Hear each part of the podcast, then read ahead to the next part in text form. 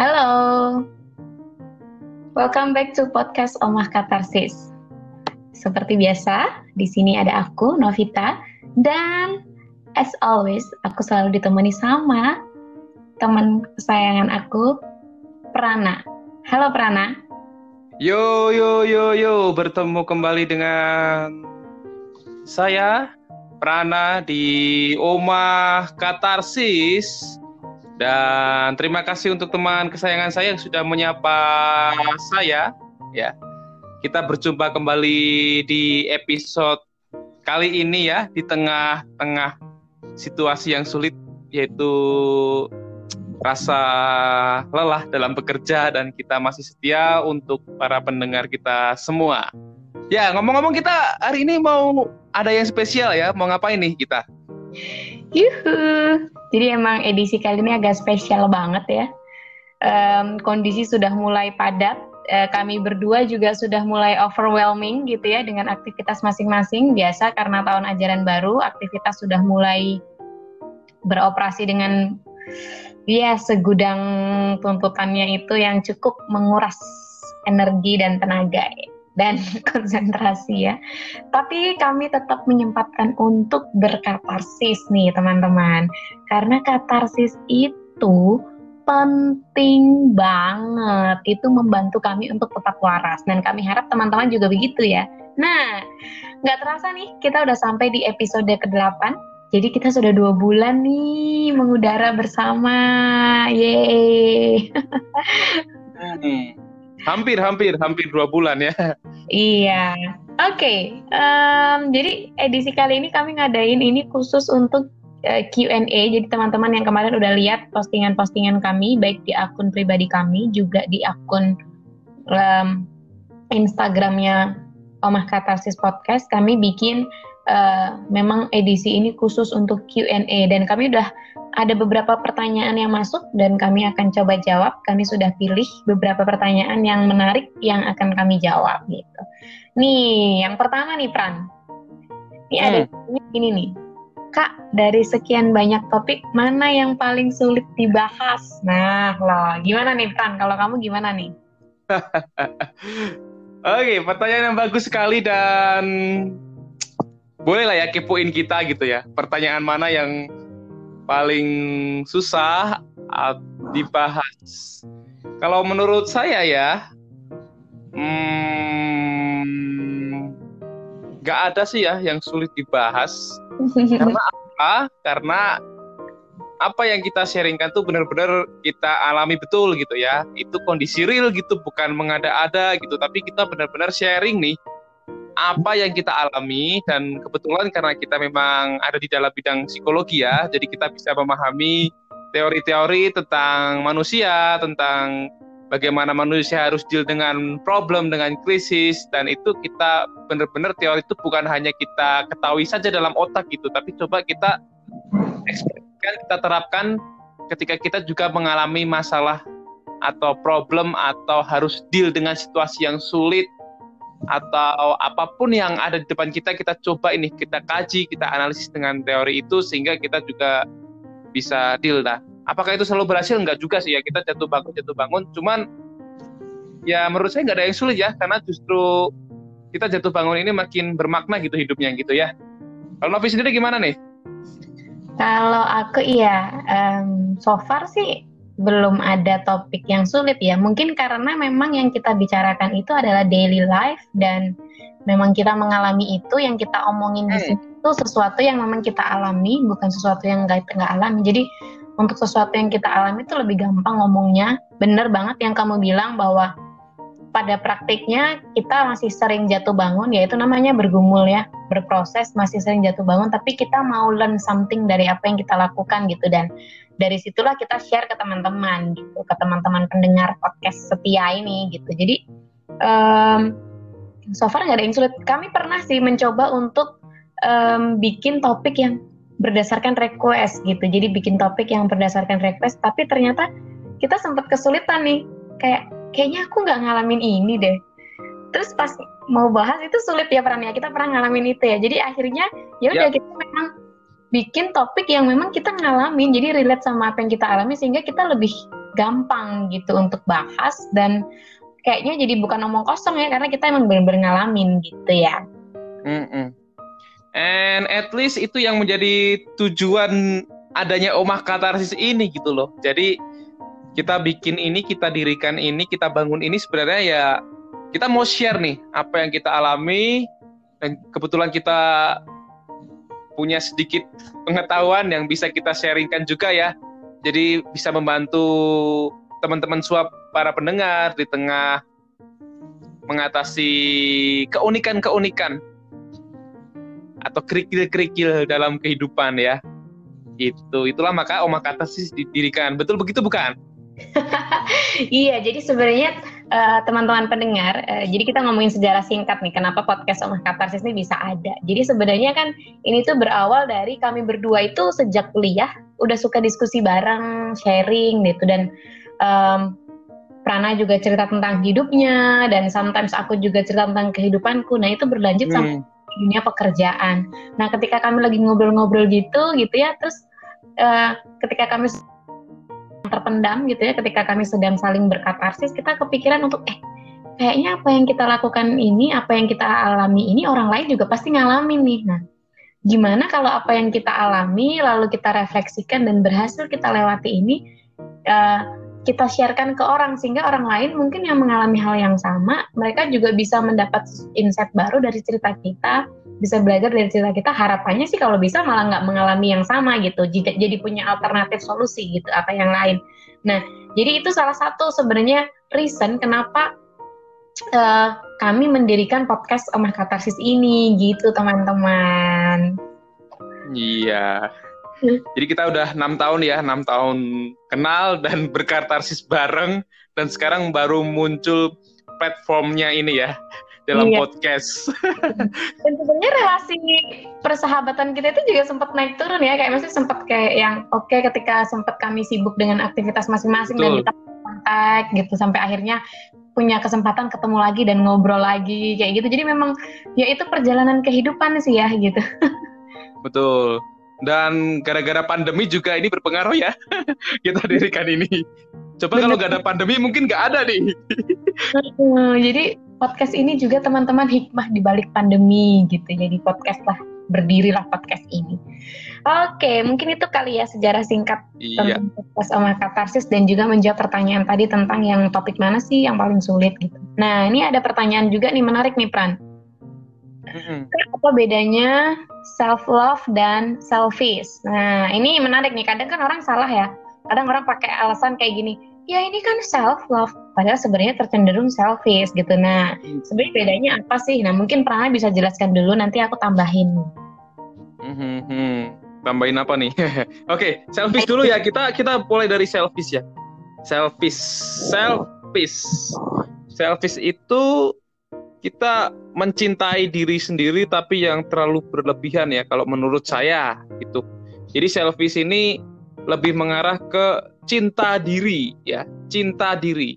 Cinta diri artinya dia ada semacam kesan egoisnya gitu dalam dirinya itu ada gitu. Jadi cinta diri. Apa yang dimau adalah yang penting memuaskan diri, mementingkan diri sendiri dan mengabaikan compassion atau belas kasihan ke orang lain jadi berpusat kepada diri. Ya, itu adalah selfish kalau menurut saya.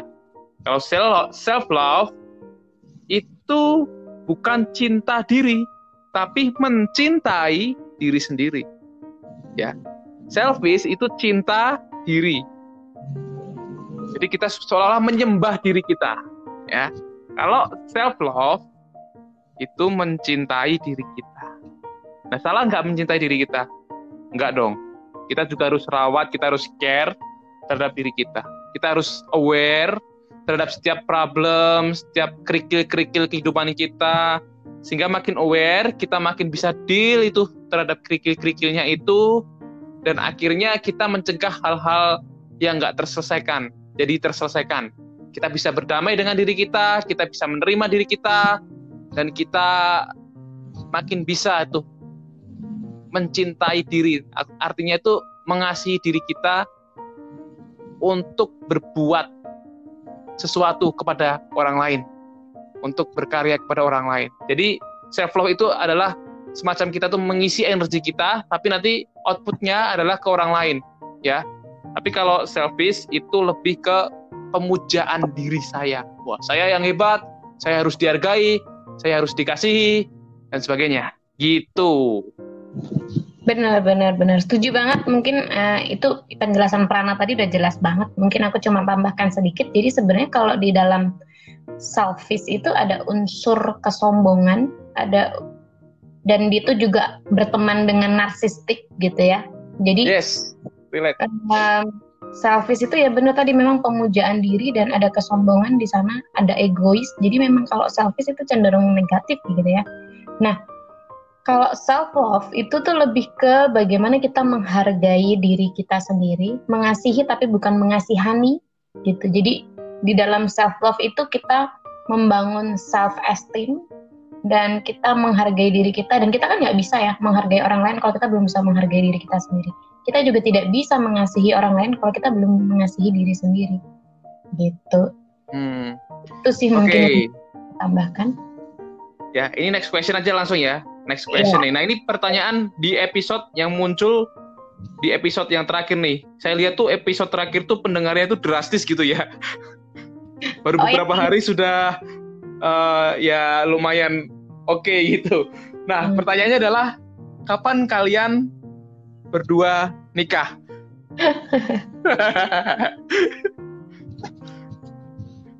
Kapan? Kapan? Kamu dulu apa aku dulu yang jawab? Ya aku yang tanya, kamu yang jawab dong. Gimana sih? Oh, Begini, uh, kamu yang nanya ya? oh iya. Oke. Okay. Kapan menikah? Uh, sesuai dengan topik bahasan terakhir kami kemarin. So far sih, kapan menikah ya kalau sudah siap? Siap apa? Ya siap mental, siap finansial, siap pasangannya juga. Dan kalau ditanya sekarang ini, aku sih honestly secara pribadi aku belum siap untuk menikah. Entah kenapa aku merasa masih banyak hal yang mesti aku bereskan dengan diriku sendiri. Dan masih banyak um, ya mimpi-mimpi yang masih aku perlu gapai dan masih ada hal-hal yang memang perlu diselesaikan. Sehingga kalau ditanya sekarang kayaknya belum siap gitu ya mungkin yang ngajak nikah udah siap tapi aku ini belum siap ini kayaknya. Jadi kalau ditanya kapan, kapan menikah oke tunggu aja undangannya dari saya ya. Kamu gimana nih peran kapan nih? Um, kalau ditanya kapan nikah aku akan jawab dari sisi apa ya? Ya sisi kesiapan betul setuju. Tapi ada sesi sesi kedua nih yang perlu pendengar semua tahu yaitu sisi panggilan ya panggilan hidup. Wah. Jadi kita tuh punya tujuan apa yang harus kita capai, apa yang kita inginkan, apa yang mau kita kasih ke orang lain ke dampak. Misalnya melalui pekerjaan itu itu merupakan panggilan hidup, tapi di sisi lain juga ada panggilan hidup tentang berkeluarga ya.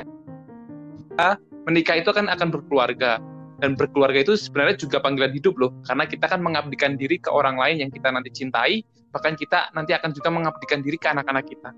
Jadi itu merupakan panggilan. Nah, panggilan tuh gimana nih? Berarti harus dipergumulkan terus-menerus. Apanya saja yang dipergumulkan? Kesiapan dari diri kita, pasangan yang kita rindukan kita juga harus bergumulkan. Lalu pekerjaan kita, karir kita, semuanya harus utuh dalam suatu kerangka supaya kita benar-benar nih katakan siap untuk menikah. Iya, gitu. Oke, dan langsung lanjut lagi nih, masih tentang menikah ya um, ada yang komen dan bertanya nih, menikah itu tak seperti bercanda itu. Nah, waktu itu kan kita bahas ya, kapan nikah? Nikah tuh gini gini gitu, gini bisa Novi jawab nih. Iya, bener banget. Aku setuju banget sih sama komen ini ya. Menikah itu nggak sereceh dan nggak sebecanda itu, men gitu. Kalau um, menikah itu cuma sebecanda itu please deh mending gak usah nikah gitu karena pastikan bahwa diri kita siap dan sehat dulu baru kita menikah karena kalau kita masih sakit kita masih belum siap, lalu kita menikah, lalu kita akan mencetak generasi-generasi yang sakit juga, dan kalian akan menciptakan negara negara ini dengan orang-orang yang sakit gitu ya. Jadi miris hmm. sekali sih. Jadi memang menikah itu um, sesuatu yang sangat serius dan mesti dipertimbangkan gitu ya. Karena ini kan kayak sebuah negara juga diawali dari keluarga kan, dari yang terkecil gitu. Jadi memang yaitu pastikan bahwa kalian mencetak generasi yang sehat gitu. Nah, gimana caranya mencetak generasi yang sehat? Ya kalian sehat dulu gitu. Jadi memang nikah itu nggak sebecanda itu sih dan nggak sereceh itu. Jadi memang mesti dipertimbangkan dengan baik. Aku setuju banget dengan komen ini. Hmm, ya menarik ya. Jadi memang menikah itu harus mempersiapkan diri dengan betul-betul dan itu tadi kita pernah sudah bahas ya di awal tadi tentang selfish ya. Jadi menikah itu bukan tentang selfish untuk mencari keuntungan diri, untuk supaya kita dikasih, tapi menikah itu adalah kita memberi diri, berkorban kepada pasangan kita, kepada anak-anak kita, mengabdi kepada mereka. At least ya kita harus beres dulu nih. Kalau nggak beres nanti akan timbul percikan-percikan yang lain dan nanti percikan itu makin membesar dan bahaya dong. Itu nanti misalnya uh, sampai broken home dan saya sih cenderung tidak setuju terhadap perceraian juga ya karena itu juga menimbulkan permasalahan-permasalahan yang lain yang akhirnya menimbulkan hal-hal yang tidak terselesaikan makin banyak bukan hanya kepada pasangan yang menikah cuman kepada anak-anak yang lain gitu ya. Apakah masih ada pertanyaan lagi nih? No satu lagi nih Prana. Jadi ada yang nanya nih tentang bagaimana sih caranya menumbuhkan harapan. Kayaknya orangnya lagi hilang harapan. Well, kita juga pernah sih mengalami ini hilang harapan itu. Bahkan belakangan aku juga sempat ini uh, aku yang sudah sering berkatarsis aja nih kadang masih dihantui loh hilang harapan ini. Gimana? Ini real banget ya. Kalau kamu gimana? Hmm ya ini kayaknya semua orang tuh pernah ya mengalami yang namanya hope plus ya bukan hopeful tapi hopeless nah kenapa sih orang mengalami hopeless karena dia punya harapan tentunya ya. Hope itu harapan. Mengapa orang hopeless? Karena dia punya harapan. Tetapi harapan-harapan itu tidak tercapai. Keinginan-keinginan, ekspektasi, mimpi, target itu nggak tercapai. Akhirnya dia merasa gagal, lalu gagal itu dipikir terus-menerus. Dia kemudian merasa frustrasi, merasa capek, merasa lelah, dan bingung harus ngapain dan stuck banget deh rasanya itu pasti yang kamu kamu rasain kan nah tapi kita perlu melihat dari kerangka yang beda teman-teman semua kalau kita sedang mengalami hopeless gimana sih menumbuhkan harapan kita berpikir bahwa hidup kita tuh sebenarnya adalah kisah ya sebuah kisah rangkaian seperti puzzle teman-teman jadi kalau kita bayangkan kita sedang menyusun puzzle tapi dengan piece atau potongan-potongan itu yang kecil-kecil gitu. Nah, ketika kita memasang itu kan seru kan, kita awalnya semangat. Seperti kita hidup, kita awalnya semangat nih. Tapi kadang-kadang ketika kita sulit menemukan potongan itu yang hilang, kadang kita mencari-cari dan kita frustasi. Tapi di sisi lain kita lupa, kadang-kadang kita eh, ketika udah mulai kesel nih, kita juga memasang potongan-potongan yang lain di sisi yang lain juga dan akhirnya itu membentuk suatu gambar ya dan sampai potongan kecil yang tadinya kita cari-cari sulit itu ketemu. Nah, jadi setiap aspek hidupmu, setiap apa yang kamu hadapi, apa yang kamu alami itu sebenarnya berharga. Dan itu patut kamu syukuri, patut kamu maknai. Karena itu merangkai kisah hidupmu, merangkai cerita alur hidupmu, novel hidupmu, sehingga nanti sampai kesempurnaan itu datang dan kamu merasa um, penuh hidupmu, kamu merasa limpah hidupmu, kamu merasa cukup hidupmu, dan kamu bersyukur banget bahwa ya sebenarnya aku gak usah frustasi deh dulu ya kalau tahu begini, karena justru dengan pengalaman yang buruk itu membuatku makin menjadi pribadi yang lebih baik, menjadi pribadi yang oke okay, gitu. No. Oke, okay. iya mungkin aku menambahkan sedikit aja terkait menumbuhkan harapan jadi sebenarnya kan um, seseorang itu kehilangan harapan adalah karena dia terlalu lelah. terlalu hmm. dengan tuntutan-tuntutan kehidupan dan mungkin bisa jadi tuntutan-tuntutan yang dibuat oleh diri sendiri. Jadi mungkin kalau tips dari aku adalah ketika kamu hilang harapan yang mesti kamu lakukan pertama berhenti dulu. Berhenti dulu, beri jeda, kembali ke diri sendiri, awareness. Ketika kamu sudah jeda dan berhenti berpikir tentang segala ekspektasi-ekspektasi itu, kan sebenarnya kan orang hilang harapan karena ekspektasinya nggak terpenuhi kan gitu.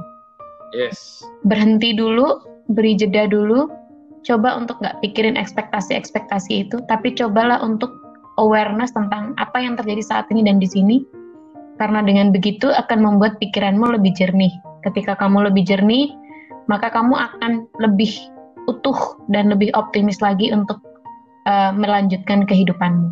Nah, sebenarnya hilang harapan itu sesuatu yang nggak apa-apa normal orang pasti ngalamin gitu orang-orang yes. hebat orang-orang terkenal pun mereka juga mengalami gitu nah ya itu tadi beri jeda dulu kemudian lanjutkan gitu hmm. jadi hening sejenak ya hening hmm. sejenak di tengah kekalutan hidup gitu bahasanya nah. oke okay, ya dan untuk para pendengar nih kalau masih mau bertanya-tanya lagi boleh nih boleh eh, DM kami di @omahkatarsis atau di Instagram kami berdua. Di situ kan ada nih Instagramnya bisa di follow, Omah Katarsisnya bisa di follow, bisa DM apa yang mau kira-kira kami sharekan, apa yang ingin kami share sharingkan, bisa deh ditulis di situ gitu ya. Iya, kalau kalian mau cerita juga boleh banget karena atau mungkin pengalaman kalian karena berbagi cerita itu indah ya sharing is caring. Betul. Kita juga bisa learn something gitu ya dari cerita kehidupan orang lain gitu sih. Oke, okay, thank you teman-teman untuk sudah mendengarkan episode kali ini. Nantikan episode-episode kami selanjutnya. Terus pantau uh, info-info di IG kami dan pastikan juga nih kalian menyebarkan ini ke teman-teman kalian. Semakin banyak kalian menyebarkan, semakin banyak orang yang tercerahkan gitu sih. Iya. Oke, okay, bye-bye. Selamat menggumulkan kehidupan. Selamat menikmati kehidupan.